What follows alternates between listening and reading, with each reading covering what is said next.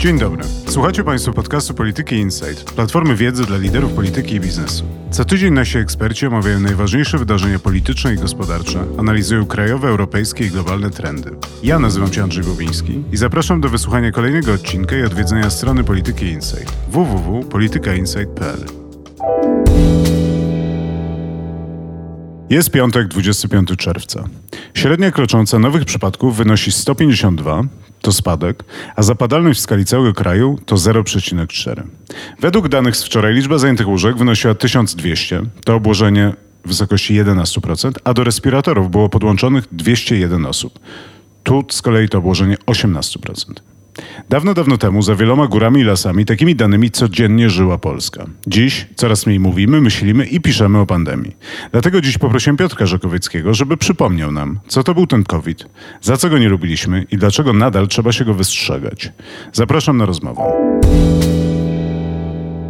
Piotrze, czy możemy powiedzieć, że gdzieś pandemia już się skończyła? Gdzie jest dobrze, gdzie jest źle, a gdzie nadal nic nie wiadomo? Wiesz, Patrząc na to, jak definiujemy w ogóle pandemię od strony prawnej, to de facto oczywiście nigdzie się nie skończyła. To znaczy globalne zagrożenie epidemiczne, które wyznacza Światowa Organizacja Zdrowia, ten status prawdopodobnie pozostanie, myślę, że co najmniej do końca przyszłego roku, no bo tutaj patrzymy na sytuację globalną i to, że jednak na różnych kontynentach jest jeszcze bardzo, bardzo daleko od ustabilizowania sytuacji. Natomiast w Europie faktycznie sytuacja się poprawia, a co więcej w Polsce, Polska po tej absolutnie tragicznej trzeciej fali w tym momencie ma relatywnie najlepszą sytuację, jeśli chodzi o poziom zakażeń wśród krajów europejskich. Bodaj chyba tylko Rumunia, czy Malta i Cypr mają niższą zapadalność i ta dynamika w zasadzie no, jest cały czas stabilna. Nie widzimy żadnych odbić po tej trzeciej fali. Coś, nad czym zastanawialiśmy się, na co wskazywały zespoły modelujące, że otwarcie szkół może przynieść te wzrosty zakażeń, w Polsce się nie zmaterializowało.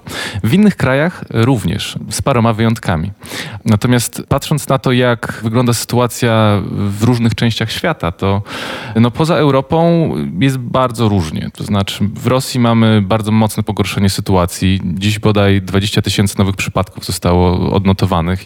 No i tutaj słychać już dość nerwowe komunikaty, mam wrażenie, ze strony władz rosyjskich. Tam jest ogromny problem z niechęcią do szczepień i niestety konsekwencje tego będą bardzo tragiczne. Z kolei w Azji sytuacja wydaje się być po tej też mocno tragicznej indyjskiej fali w skali całego kontynentu wydaje się stabilizować.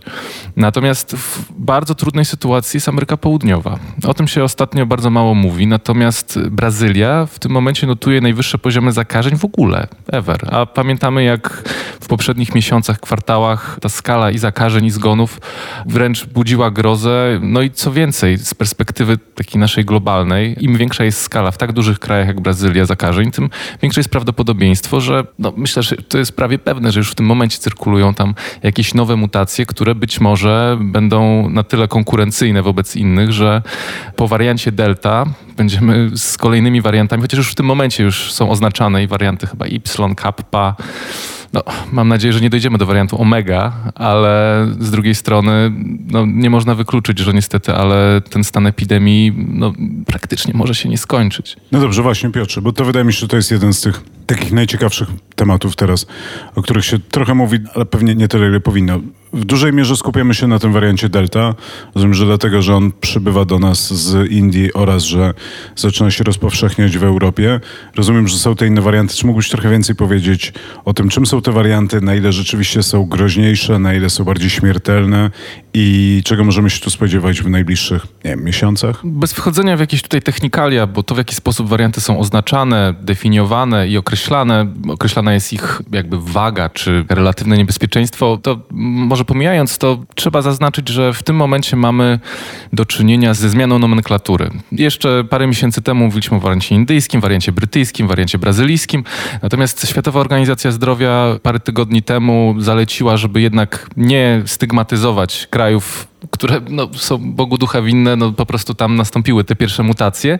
No i wprowadzono właśnie te oznaczenia od greckich liter. Wariant alfa w tym momencie to jest ten były wariant brytyjski, który już no, został dość dobrze zbadany i wiemy o tym, że jego zaraźliwość względem tego dzikiego wariantu pierwszego z Wuhan y, jest wyższa około 60%. Kolejne warianty beta i gamma to są odpowiednio wariant chyba brazylijski i wariant z RPA, o których też już mówiliśmy, ale one nie zrobiły takiej kariery jak wariant brytyjski. Natomiast wariant delta, znowu dotychczas określany jako indyjski, jest cały czas jeszcze nie w pełni zbadany wszystkie tutaj informacje, wszystkie jakieś dane dotyczące tego, na ile jest bardziej zaraźliwy, na ile jest groźniejszy, jeśli chodzi o wywoływanie hospitalizacji czy zgonów, są ogwiazdkowane dość mocno, natomiast szacunki wskazują na to, że jest od wariantu alfa bardziej zaraźliwy po 40 do 60%.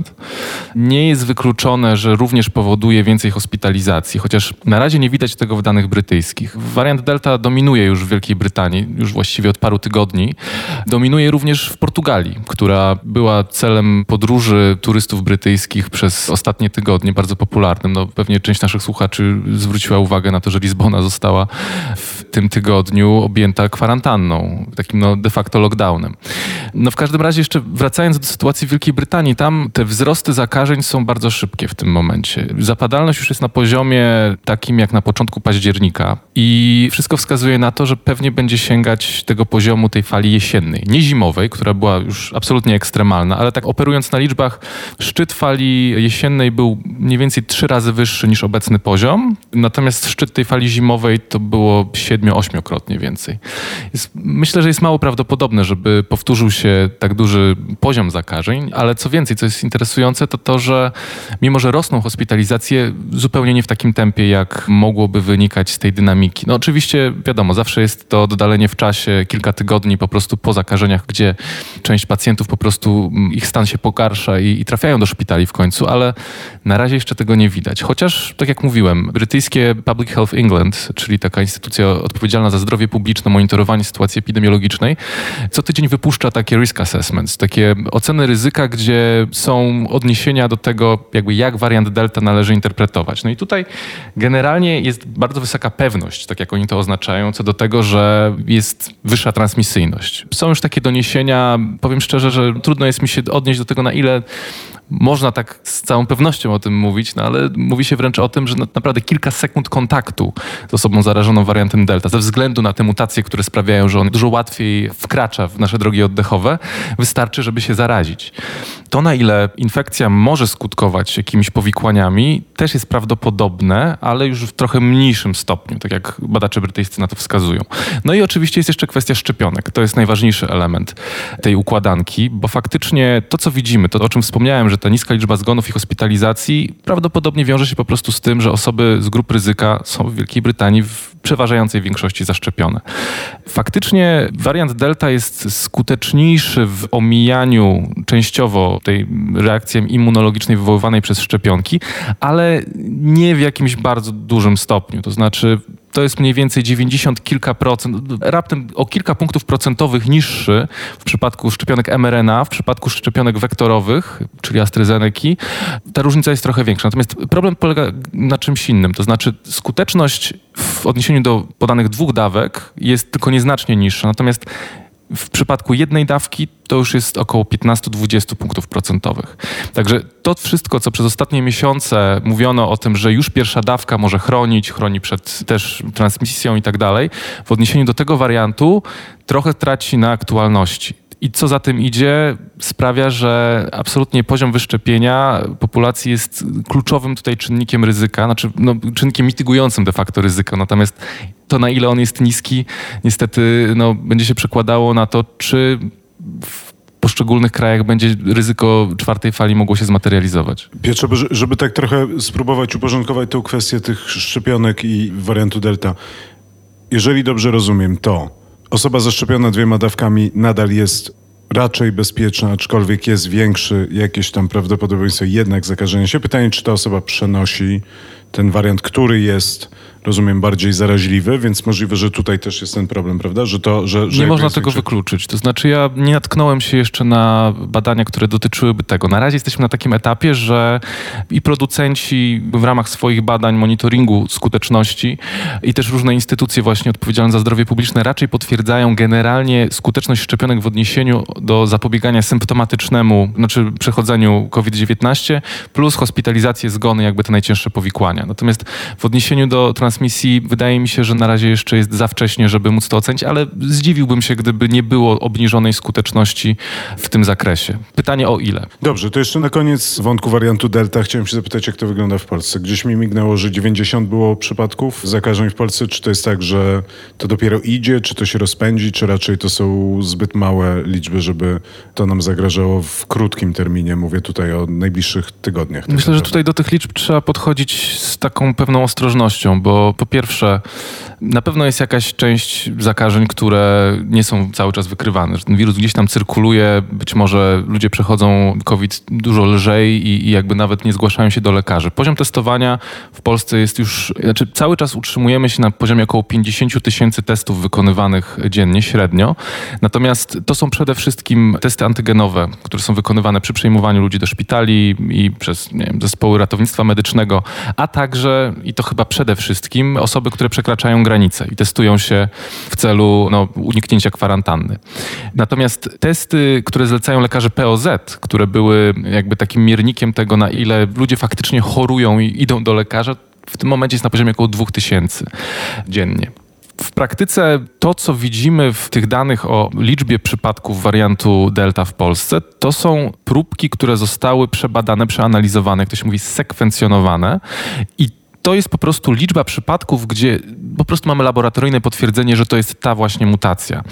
I pod tym względem, no wiadomo, że nie wszystkie próbki są sekwencjonowane. To jest duży problem nie tylko w Polsce, ale też w innych krajach europejskich, chociaż no właściwie od początku tego roku większość krajów zrobiła bardzo duże postępy w tym, żeby zwiększyć skalę tego sekwencjonowania, no ale to jest bardzo duże wyzwanie na najbliższe miesiące. O tym zresztą tak na marginesie w zeszłym tygodniu mówił minister Niedzielski. Rząd zamierza zainwestować jakieś 6,5 miliona złotych w zwiększenie możliwości sekwencjonowania, tak żeby te badania były bardziej jeszcze miarodajne i żebyśmy szybciej byli w stanie orientować się w sytuacji. Bo na razie jest tak, że no, te analizy są wykonywane z pewnym opóźnieniem.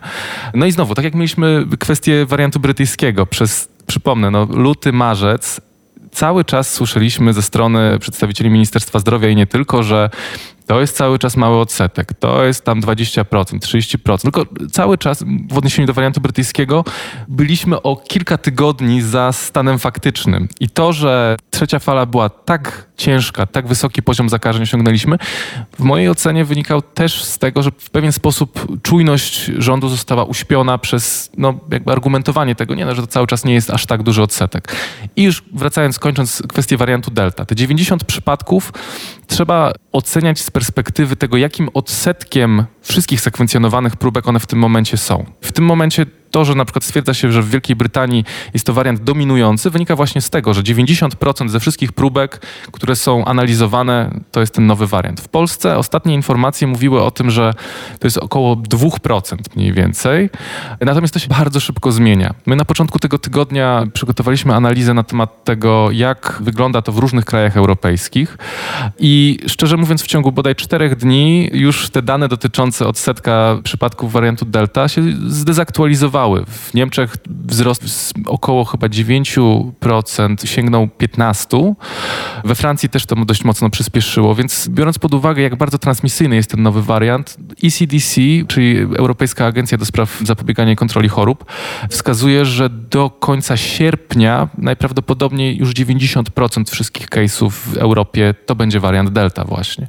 A to są bardzo złe informacje, biorąc pod uwagę nadchodzącą jesień, bo o ile cały czas poziomy zakażeń mogą być relatywnie niskie przez te miesiące wakacyjne, no to biorąc pod uwagę, że ten wirus cały czas będzie cyrkulował, będzie się utrzymywał w populacji, w sensie w tym wariancie, no w momencie, kiedy zaczniemy wracać z urlopów, dzieci wrócą do szkół, no to już będziemy mieli do czynienia z zupełnie inną dynamiką i innym wirusem, no i innymi wyzwaniami, które są z tym związane. Ja bardzo chętnie porozmawiam o tej jesieni i to bym sobie zostawił na koniec tej rozmowy, a jeszcze na tym etapie i w rozmowie o wariancie Delta i o sytuacji w Polsce bym ciebie zapytał o lato i o wakacje. Czy myślisz i zdaję sobie sprawę z trudności tego pytania i z niełatwości odpowiedzi na nie, w sensie, że to wiadomo, że my tu nie siedzimy na modelach i to jest czysta spekulacja, ale czy raczej byś spodziewał się, że będzie powtórka z zeszłego roku, czyli tak naprawdę teoretycznie spokojne wakacje, które znowu uśpią naszą i rządzących czujność i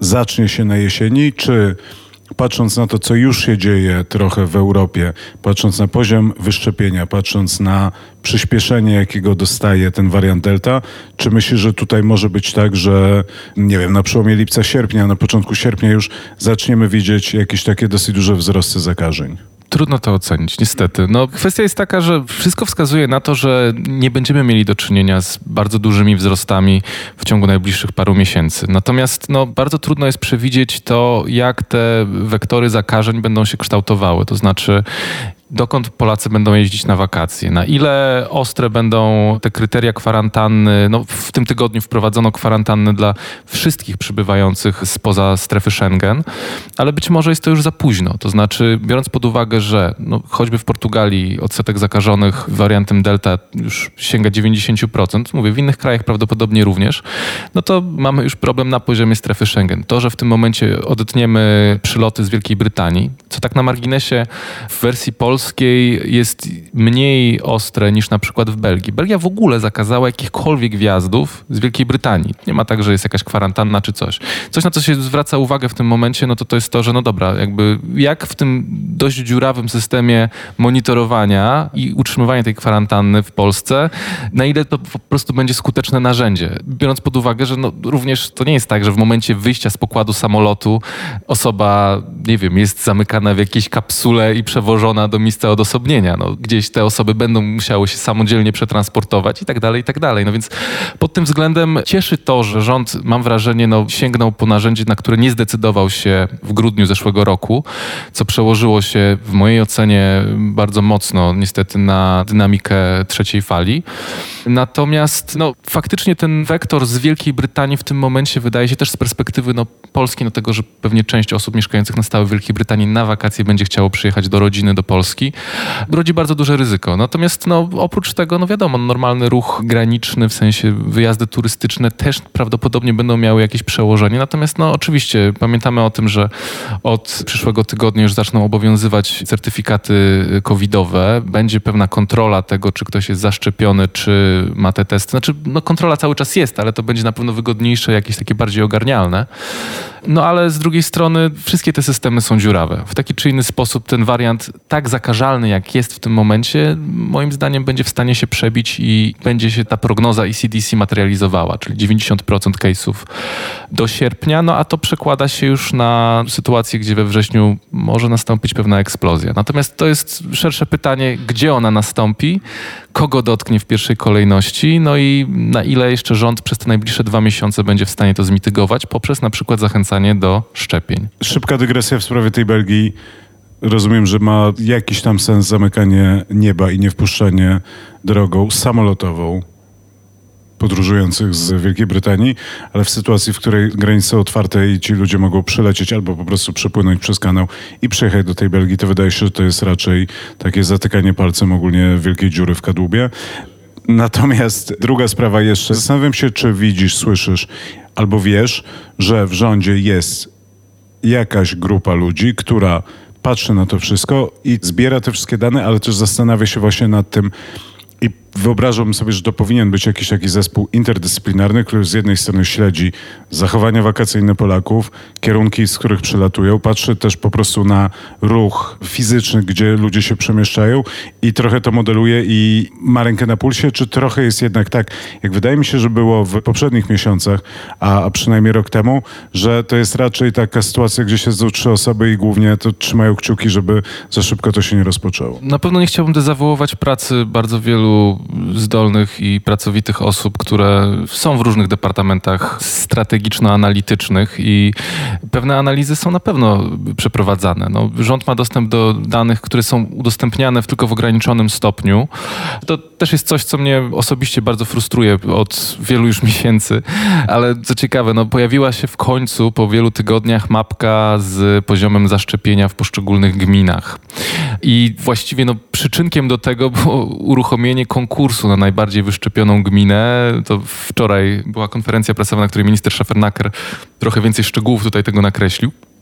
Natomiast tego typu dane poprzez Centrum E-Zdrowia na przykład na pewno są gromadzone i analizowane. Natomiast z drugiej strony, no, rozmawiamy parę tygodni po tym, że tak powiem, dość żenującym objawieniu w jaki sposób są podejmowane decyzje, jak wygląda wymiana informacji wewnątrz rządu. No i obawiam się, że niestety w odniesieniu do pandemii te najbardziej kluczowe decyzje polityczne prawdopodobnie zapadają właśnie na takiej zasadzie. To znaczy, ja osobiście mam sporo zaufania do racjonalności podejścia ministra Niedzielskiego i jego otoczenia, ale z drugiej strony no, to jest turbopolityczne i jakby wszystkie rozważania, choćby na przykład dotyczące tego, czy znieść stan epidemii, jaki będzie tego efekt i prawny, i też no, wizerunkowy, tak? Na ile moglibyśmy ważyć te racje, a na ile to może być po prostu no, przyczynek do tego, że Polacy jeszcze mniej będą chętni do szczepień.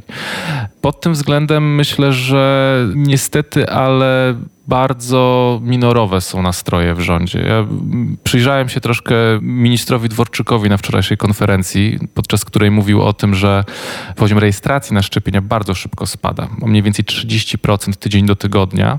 Obecnie na szczepienia rejestruje się jakieś 50 tysięcy osób dziennie co jest, biorąc pod uwagę, że cały czas jeszcze mamy te osoby, które wcześniej były zarejestrowane i szczepione codziennie na poziomie średnio około 300 tysięcy, to widać, że to już zaraz będzie bardzo mocno hamować. I między słowami Dworczyk mówił o tym, że no, jeżeli nie osiągniemy jakiegoś tam poziomu wyszczepienia, nawet już nie powiedział jakiego, zakładam, że raczej rząd myśli o tym, że będzie to niższy niż wyższy poziom. W tym momencie już widać trochę załamanie tej krzywej odsetka, to znaczy ta dynamika jest coraz niższa, no i powiem szczerze, wygląda to na to, że prawdopodobnie zatrzymamy się gdzieś w okolicach 55% zaszczepionych. Teraz jesteśmy mniej więcej gdzie? To jesteś w stanie... 51, 53. Zależy jak liczyć, ale no, Dworczyk mówił wczoraj, że 53% populacji Polski jest zaszczepiona bądź zarejestrowana na szczepienie. Natomiast w grupach wiekowych tych młodszych to jest bardzo niski odsetek. To znaczy 30-latkowie to jest coś około 35%, 40-latkowie na pewno jest to mniej niż 50%. No i biorąc pod uwagę, że no w tym momencie właściwie zaszczepić można się od ręki, wszędzie, no, pomijając oczywiście pewne białe plamy i tą logistykę, no to cały czas jednak mamy do czynienia z ewidentnie niechęcią i jakby nieskutecznością różnych działań rządu na rzecz zachęcenia do szczepienia się. No i mam wrażenie, że rządzący mają tego świadomość. To znaczy zakładam, że scenariusz bazowy jest taki, że czwarta fala następuje na jesieni. Będzie wprowadzenie lockdownu, przepraszam, jakiejś formy obostrzeń. Ograniczenia, to jak one będą silne i na ile będą zregionalizowane, prawdopodobnie będą zregionalizowane, bo mam wrażenie, że tego lata też zobaczymy, jak bardzo konieczne będzie punktowe wygaszanie tych ognisk delty, że w taki raczej sposób, trochę tak jak zobaczyliśmy w Portugalii, gdzie władze zdecydowały się na otoczenie kordonem samej Lizbony, no, która ze względu na ten ruch turystyczny stała się ogniskiem, ale tak naprawdę w reszcie kraju odsetek wariantu delta sięgał chyba 15% wtedy. Na tamtym etapie. No, trudno jest w tym momencie już oceniać skuteczność tego działania, natomiast raczej do tego spodziewałbym się, że będą sięgać rządy europejskie, w tym nasz. Zatrzymałbym się na tym stanie wyszczepienia i chwilę o tym z Tobą porozmawiał. Jeżeli to będzie 55%, a nawet, nie wiem, 57%, czy to jest mało? W sensie, ja wiem, że my celowaliśmy w 70% i że to jest jakaś taka granica, która teoretycznie dawała jakieś takie poczucie bezpieczeństwa. Czy to jest tak, że ta różnica między 50, powiedzmy 5% a 70% to jest duża różnica? Czy tak naprawdę to jest tylko kwestia, nie wiem, no właśnie jakiś ognisk, jakiś obostrzeń? W sensie chodzi mi o to, że dla mnie te liczby są dosyć abstrakcyjne i ciekaw jestem, jak ty na to patrzysz i na ile rzeczywiście to jest realna różnica, jeżeli chodzi o trochę nasze funkcjonowanie w przyszłości. No, wydaje mi się, że najprostszą zasadą chyba jest po prostu podejście im więcej, tym lepiej, bo to jest bardzo nieostre. To, o czym też mieliśmy okazję rozmawiać w poprzednich tygodniach i miesiącach, czyli ta odporność populacyjna, ten próg odporności zbiorowiskowej jest bardzo nieostry i naprawdę najbardziej znani i uznani eksperci tak rzucają 70 do 80% być może. Przy czym to znowu, przy obecności tych nowych wariantów ten próg raczej się podnosi. Im bardziej transmisyjny jest ten wariant, z którym mamy do czynienia, który dominuje, tym większy odsetek osób w jakiś sposób uodpornionych musi być, żeby no, uniknąć dalszego rozprzestrzeniania się tego. Natomiast ja myślę, że Poza tym dużym problemem jest po prostu nierównomierność zaszczepień. Wspominałem już o tym rankingu gmin. Sytuacja wygląda w ten sposób, że Gdańsk i Sopot są bodaj w największym stopniu wyszczepionymi gminami, gdzie sięga ten odsetek ponad 44% osób, które przyjęły dwie dawki. W Warszawie jest bardzo podobnie. Natomiast na drugim końcu tego spektrum jest mnóstwo miejscowości, małych miejscowości, gmin wiejskich na Lubelszczyźnie, na Podkarpaciu, gdzie odsetek zaszczepionych sięga 14%. I pod tym względem no, to też sugeruje, że wśród tych osób są też osoby starsze, te, które są w grupach ryzyka, narażone na no po prostu no, bardzo szybkie pogorszenie stanu zdrowia. I myślę, że niestety, ale to, z czym będziemy mieli do czynienia na jesieni, no to będzie taka troszeczkę dwutorowa pandemia w warunkach polskich. To znaczy, będziemy mieli do czynienia z ogniskami, ze wzrostem zgonów i też pewnie dużymi problemami z perspektywy organizacji ochrony zdrowia w tych częściach kraju, gdzie czy to ze względu na logistykę, czy brak chęci zaszczepienia, ten odsetek zaszczepionych będzie niższy, no bo tam właśnie będą się pojawiały te ogniska. No i tak, no tak to będzie wyglądało. Tu swoją drogą i o to nawet ci nie będę pytał, ale myślę, że to jest coś, co jest warte obserwowania. To jeżeli rzeczywiście będzie taka pandemia dwóch prędkości, to będzie miało bardzo ciekawe moim zdaniem przełożenie i, i takie społeczno-socjologiczne i też polityczne, w sensie, że to może w ogóle wprowadzić inną dynamikę w myślenie i w rozmowie o polityczności tej pandemii, tak? Że to jest coś, co niby jakoś tam dotykało wszystkich, mniej więcej porówno i nie wchodźmy, błagam, teraz w tą rozmowę, na ile rzeczywiście i tak dalej, ale wydaje mi się, że tutaj w momencie, kiedy będzie duża część na przykład dużych miast zaszczepiona, gdzie to będzie mniejszy problem, a w mniejszych miastach i ewentualnie na wsi będzie to większy problem, to to napięcie jakby trochę się odwróci, bo wcześniej to było tak, że to miasta bardziej się musiały zamykać, a na wsiach mniej, pewnie było tych kontaktów, mniej było problemów. Tutaj trochę to się, to wszystko staje na głowie i to w ogóle będzie jakaś ciekawa dynamika. Nie wiem, czy chcesz się odnieść, ale to tak bardziej wydaje mi się, że jest coś, na co warto spojrzeć w przyszłości, kiedy to się już wydarzy, ale, ale warto to też już teraz jakoś tam zasygnalizować. Wiesz, wydaje mi się, że to będzie paradoksalnie miało dużo mniejsze znaczenie niż nam może się wydawać w tym momencie. To znaczy, no, biorąc pod uwagę to, w jaki sposób Polacy przeszli do porządku dziennego ze zgonami i tak dalej, no o tym już rozmawialiśmy i myślę, że też nasi słuchacze mają wyrobioną opinię w tym temacie, to to, że gdzieś w jakichś dla powiedzmy wielkomiejskiej klasy średniej dość abstrakcyjnych miejscach, nie wiem, miejscowości, do których może czasem jeżdżą nad jeziorko, rozgrywają się takie dramaty, będzie to dość raczej abstrakcyjna. A inną rzeczą jest też to, że prawdopodobnie ta czwarta fala nie będzie aż tak dramatyczna jak trzecia, czy nawet druga. To znaczy, no, to co widzimy z danych brytyjskich, no, sugeruje, że jednak pokłosie zakażeń wśród osób starszych już nie przekłada się na tak duże zgony, no, ze względu na to wyszczepienie. A z drugiej strony ignorowanie tego, jak duża była skala zgonów wśród polskich seniorów, sugeruje, że raczej będzie to wątek dość wyciszany, nie będzie miał tak dużego przełożenia politycznego. Dobrze, Piotrze, ostatnie pytanie i tutaj znowu nie pytam ciebie o wiedzę, tylko bardziej o twoje zdanie i, i twoją intuicję, ale jak ty czujesz, bo trochę taka narracja się rodzi w mediach i w środowiskach eksperckich, że jest cała taka dyskusja, jak zmusić Polaków do szczepień, co można zrobić, jak ich przekonać i tak dalej, i tak dalej.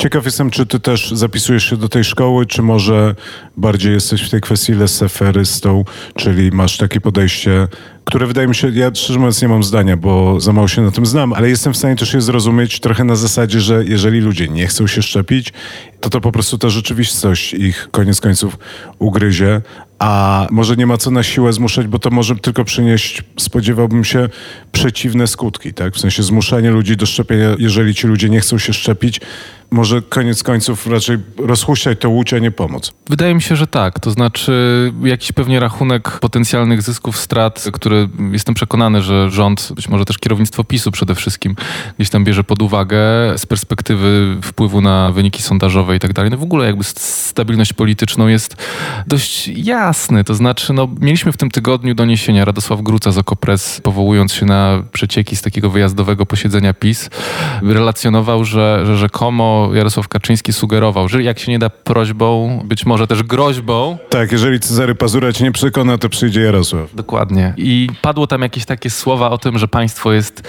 zorganizowanym aparatem przemocy i tą przemoc trzeba czasem zastosować. No, wydaje mi się, że jest jakaś część w kręgach decyzyjnych, która jest za tym, żeby wprowadzić ten przymus w jakiejś takiej bardziej hardkorowej formie. No, przypomnę, że profesor Andrzej Horban, który ostatnio bardzo rzadko się już pojawia w mediach, ale jeszcze w kwietniu wskazywał na to, że to może być niezbędne. No i taki sposób myślenia wydaje mi się, no, z jednej strony jest racjonalny. Wydaje się też, że no, można było to trochę mniej hardkorowymi środkami też osiągnąć. To znaczy wprowadzenie na przykład bardzo ścisłych, wewnętrznych takich paszportów covidowych. No, w tym momencie mamy to w odniesieniu do imprez masowych, tak? I wszystko to, co tam też w ostatnim czasie się przetoczyło przez media w odniesieniu do festiwali, które będą wpuszczać tylko osoby zaszczepione bądź nie i kontrowersje związane z tym, jak artyści na to reagują. No, jest jakimś takim elementem, wydaje mi się, gdzieś widać te korzyści faktycznie z bycia osobą zaszczepioną, wymierne, ale to cały czas jest trochę za mało. Nie? I faktycznie, gdyby to było nieco bardziej ostre, choćby na przykład ograniczenie wstępu tylko do osób zaszczepionych i to nie tylko na imprezy outdoorowe, ale no, nie wiem, do kin, teatrów, do restauracji, to było rozważane na pewnym etapie, no ale oczywiście względy gospodarcze i duży opór środowiska myślę, że przełożył się na to, że to w ogóle zostało skreślone jako argument. Natomiast no, myślę, że zobaczymy w najbliższych tygodniach, na ile skuteczne będą te nowe narzędzia, które rząd uruchomi. Myślę, że ten wyścig gmin, który wspomniany już minister Szefernaker ogłosił, no nie wiem na ile zdobycie potencjalnie jednego miliona złotych do budżetu gminnego podziała na wyobraźnię samorządowców i jakimi środkami będą starali starali się swoich mieszkańców nakłaniać do szczepień. Zobaczymy. To myślę, że będzie bardzo ciekawy eksperyment, powiedzmy, szeroko pojętej samorządności w Polsce i relacji między władzą centralną a samorządami. No, odrębną rzeczą jest oczywiście ta loteria szczepionkowa, ale powiem szczerze, mieliśmy jakieś takie sygnały zachęcające no, ze Stanów, choćby no, dotyczące skuteczności taki, tego typu loterii stanowych w zachęcaniu do szczepień, ale znowu trudno ocenić tak naprawdę, na ile to zadziała, bo już jakby odnosząc się do początku twojego pytania, no, badania wskazują na to, że niestety, ale Polaków bardzo trudno jest przekonać do szczepień. To znaczy ten odsetek osób, które nawet się nie zarejestrowały, mimo że mogą, mimo że jakby ta dostępność wydaje się być bardzo duża. No wiadomo, nie wszystkie te osoby, które się nie zarejestrowały są w dużych miastach, być może logistycznie logistyka dla części z nich jest problemem, ale na pewno nie takiej, żeby to było raptem 30 kilka procent.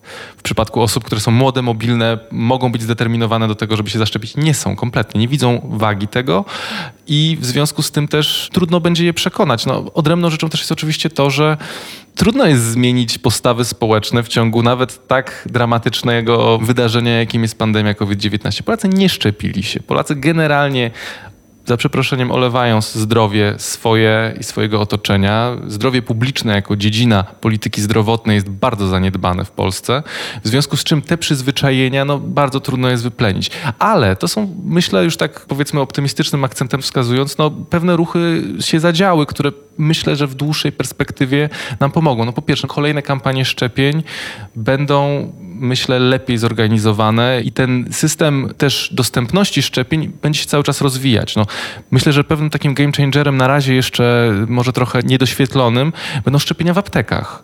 I to będzie coś, co nie tylko w odniesieniu do COVID-19, ale również do szczepień przeciwko grypie sezonowej, myślę, że będzie mogło stopniowo zmieniać te postawy społeczne i nastawienie w ogóle do szczepień i zapobieganie tym chorobom. Dobrze, Piotrze. Takie trochę bardziej powiedziałbym popkulturowo-sportowe tematy jeszcze z okolic lata. Ty mówiłeś o koncertach, a ja chciałem się ciebie zapytać z jednej strony o to euro, które muszę powiedzieć, że no na mnie to robi duże wrażenie, jakkolwiek jestem kibicem i cieszy mnie, że są kibice na stadionach jak tam skandują, czy się cieszą, czy płaczą, to cieszy moje kibicowskie serce, ale z drugiej strony jednak jak ja sobie myślę, że są ludzie na stadionach w Rosji, gdzie jest 17 tysięcy w dniu meczu zakażeń, a jak wiemy obaj w Rosji ten system testowania nie jest bardzo dobrze zorganizowany, więc prawdopodobnie jest wielokrotnie więcej tych zakażonych w Rosji. Wydaje się to być jednak ogólnie jakimś takim przejawem, no mówiąc krótko, głupoty. W sensie, że te mistrzostwa są zorganizowane w 12 krajach, czy tam 11, zależy jak liczymy Szkocję. I że ci wszyscy kibice i ci wszyscy komentatorzy i te ekipy techniczne i ci piłkarze z kucharzami się przenoszą, no to wydaje mi się być kretynizmem, a z drugiej strony nadchodzi olimpiada. I pytanie, czy ta olimpiada w ogóle się odbędzie, czy powinna się odbyć i czy te wydarzenia sportowe mają tutaj jakikolwiek wpływ na tą sytuację pandemiczną, czy raczej to są takie aberracje, gdzie tak naprawdę wygrywa spektakl, a ten aspekt zdrowotny nie jest tak istotny, bo jednak ta skala jest mała. Jeśli chodzi o, o euro, no to tak jak określiłeś to elegancko, kretynizm tej całej sytuacji podzielają również liderzy europejscy. Mieliśmy w zeszłym tygodniu i wypowiedzi Angeli Merkel i Mario Dragiego w odniesieniu do tego, że finał finał na Wembley, gdzie ma być 60 tysięcy widzów. Sytuacja obecna się zbiegła z kolejnym etapem znoszenia obostrzeń w Wielkiej Brytanii, która nie została pod tym kątem zatrzymana, to znaczy no, zwiększenia o połowę też dostępnych miejsc. Sugeruje, że może to być problematyczne, chociaż z drugiej strony no, wymóg posiadania aktualnego testu bądź bycia zaszczepionym co najmniej 14 dni wcześniej dwiema dawkami będzie prawdopodobnie egzekwowany. Natomiast no, oczywiście problem jest, tak jak sam zauważyłeś, wokół no, jakby całego ruchu, który się z tym gdzieś tam wiąże. No po prostu to są imprezy masowe, ludzie i tak podróżują przy okazji, nawet niekoniecznie jakby wchodząc na stadiony, mam wrażenie. A do tego wszystkiego dość pikantną kwestią jest to, że UEFA naciskała na rząd brytyjski, żeby wprowadził możliwość jakby zniesienia kwarantanny dla około 2,5 tysiąca VIP-ów, którzy mieliby podróżować przy tej okazji i z tego, co czytałem, to wręcz były momentami ze strony UEFA właśnie sugestie czy groźby, że finał miał być przeniesiony do Budapesztu. Prawdopodobnie to się nie wydarzy, natomiast no, fakt faktem będzie to jeden z czynników w związku z tymi wektorami transmisji wariantu Delta, który na pewno będzie miał jakiś wpływ. A co do Igrzysk Olimpijskich, no tutaj sytuacja jest diametralnie inna. To znaczy w Japonii jest ścisły zakaz wjazdu cudzoziemców z bodaj 159 krajów. Nie wiem, gdzie są wyjątki, ale generalnie no, raczej na Igrzyska Olimpijskie przyjadą ekipy sportowe, które będą testowane, będzie od nich wymagane zaszczepienie. No a z kolei same wydarzenia sportowe, no głównie ta widownia japońska na dość niewielką skalę będzie tam obecna i w związku z tym prawdopodobnie nie będzie tutaj jakiegoś dużego zagrożenia, chociaż z drugiej strony no, w Japonii odsetek zaszczepionej populacji to jest około 8% na ten moment. Oni bardzo późno zaczęli się szczepić. Znowu wydaje mi się, że jakby świadomość tego zagrożenia i pewna umowa społeczna wokół tego, w jaki sposób należy się wokół tego zachowywać, tutaj będzie działała. Natomiast oprócz tego, tak na marginesie jest tak, że już na tym etapie tylko Międzynarodowy Komitet Komitet Olimpijski może odwołać igrzyska, więc prawdopodobnie to się nie wydarzy. Komentarze, które widziałem, wskazują, że to tylko, nie wiem, stan wojny, zamieszek, czy coś w tym stylu mogłoby do tego doprowadzić. Także myślę, że Igrzyska Olimpijskie odbędą się. Oszczędzę Ci pytanie, Piotr, co się wydarzy na jesieni? Proponuję, że wrócimy do tego jakoś w drugiej połowie sierpnia, bo wtedy będzie łatwiej spekulować, a nadal będzie to spekulowanie. Natomiast jedna rzecz, i może to jest jakiś element pozytywny, i optymistyczny w tej naszej rozmowie, też już myśląc właśnie o tej jesieni. To jest coś, co od dłuższego czasu mi chodzi po głowie, ale znowu z takich pozycji wybitnie laickich. To są bardziej mitygacja inna niż szczepienia i przygotowywanie się do zwalczania tej choroby i przygotowywanie się do tego, żeby traktować tą chorobę tak jak wiele innych chorób. To znaczy z jednej strony terapię i leczenie po prostu COVID-u i czy to jest coś, czym czynimy jakieś postępy i czy są tutaj jakieś sygnały optymistyczne, a z drugiej strony ta kwestia testowania. Czy nie jest tak, że jeżeli my się nauczymy jednym słowem dużo lepiej, szybciej testować, a zarazem lepiej leczyć, to czy to nie jest tak, że to jest coś, co pokona ten COVID i że tak naprawdę szczepienie to jest sposób na wyhamowanie tych przyrostów i zatrzymanie tych wysokich fal pierwszej, drugiej, trzeciej, czwartej, siedemnastej, które przychodziły, a że tak naprawdę teraz koniec tej pandemii, przejście w tą endemię, ale też po prostu przyzwyczajenie się i życie z tym COVID-em będzie wisiał na tym, żebyśmy lepiej leczyli tą chorobę i bardzo szybko ją testowali tak, żeby wyłapywać i wycinać te takie duże ogniska zakażeń. Ja myślę, że sam trochę odpowiedziałeś na to pytanie i właściwie za dużo tutaj nie mam do dodania, bo podzielam twoją perspektywę. No, zdecydowanie ta mechanika, no, w pierwszej kolejności właśnie wyhamowanie, zmniejszenie potencjalnej skali w przyszłości kolejnych fal poprzez szczepienia, no, jest podstawową strategią robią właściwie wszędzie na całym świecie. Tak? I pod tym względem oczywiście są ogromne ryzyka, jeśli chodzi o, o sytuację w krajach globalnego południa.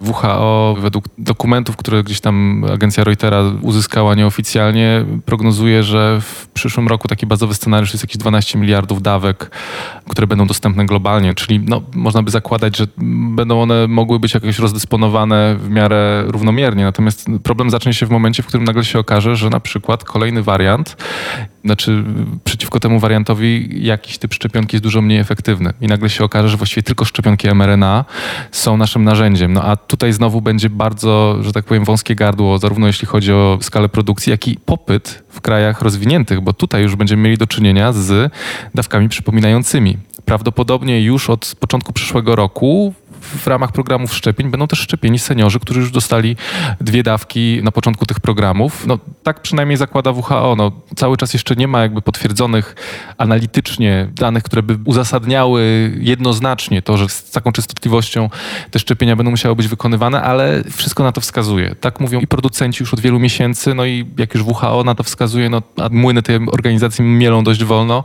to prawdopodobnie takie będą zalecenia globalne. Jeśli chodzi o terapeutyczne, no to tutaj postęp jest dużo wolniejszy i co prawda no, mamy doniesienia na temat różnych zarówno terapii przeciwciałami monoklonalnymi, a także no, innymi terapiami antywirusowymi już takimi no, celowanymi w SARS-CoV-2, a nie jakimiś dostosowywanymi do tego zagrożenia, ale to cały czas jest jeszcze perspektywa, myślę, co najmniej końca tego roku, gdzie będziemy już coś konkretnego mogli powiedzieć, jeśli chodzi o zarówno skuteczność, jak i skalę tego. Także odnosząc się do tego, co jeszcze mówiłeś na początku, to znaczy, no, ja też stoję na stanowisku, że komunikacja i edukacja jest absolutnie, no to jest trochę banał powiedzieć to, ale z drugiej strony nie przestaje mnie frustrować, jak mało tak naprawdę wskazuje się na takie zupełnie zdroworozsądkowe kwestie, czynniki, które każdy powinien mieć przyswojone. To znaczy, nie siedzimy w zamkniętych pomieszczeniach, wietrzymy kiedy tylko możemy. Tak? Czujesz się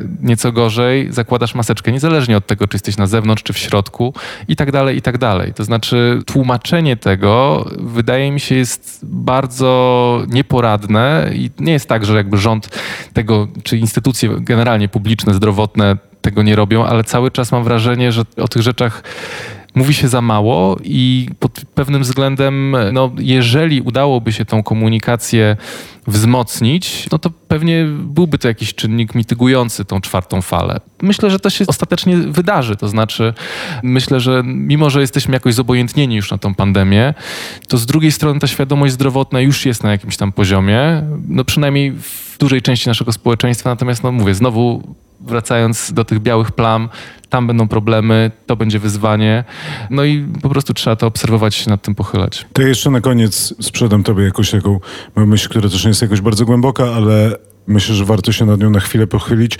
To znaczy jest dosyć duże napięcie i paradoksem jest połączenie z jednej strony narracji wokół szczepień i sprzedanie tych szczepień jako tego momentu, kiedy w końcu jesteśmy wolni, jesteśmy na ostatniej prostej i możemy robić wszystko, z drugiej strony z tym, o czym ty mówisz, czyli z tym takim podstawowym dbaniem o zdrowie, bezpieczeństwo i takim cały czas życiem w świadomości wirusa. I nie mam tu do nikogo, broń Boże, pretensji, to jest dla mnie zupełnie naturalne. To znaczy, że to są dwie rzeczy, które trochę współistnieją, ale się znoszą, tak? To znaczy, jeżeli my sprzedajemy to szczepienia jako koniec tej pandemii, bo trochę takie musimy sprzedać, żeby ludzie się w końcu szczepili, a z drugiej strony jednak mówimy tym ludziom, którzy już się zaszczepili, ale hola, hola, już się zaszczepiliście i teraz jednak zacznijcie dbać i przyglądać się temu, co się dzieje, bo jednak to się wszystko nie skończyło, to tu jest taki paradoks, jakiś taki dysonans, który myślę, że trochę nas cofa, nie posuwa do przodu. No ale no, tak ja myślę, że ta, ta, frustracja będzie się utrzymywała. Coś, co my nazywaliśmy jeszcze parę miesięcy temu jakimś takim pandemic fatigue, tą zmęczeniem pandemicznym.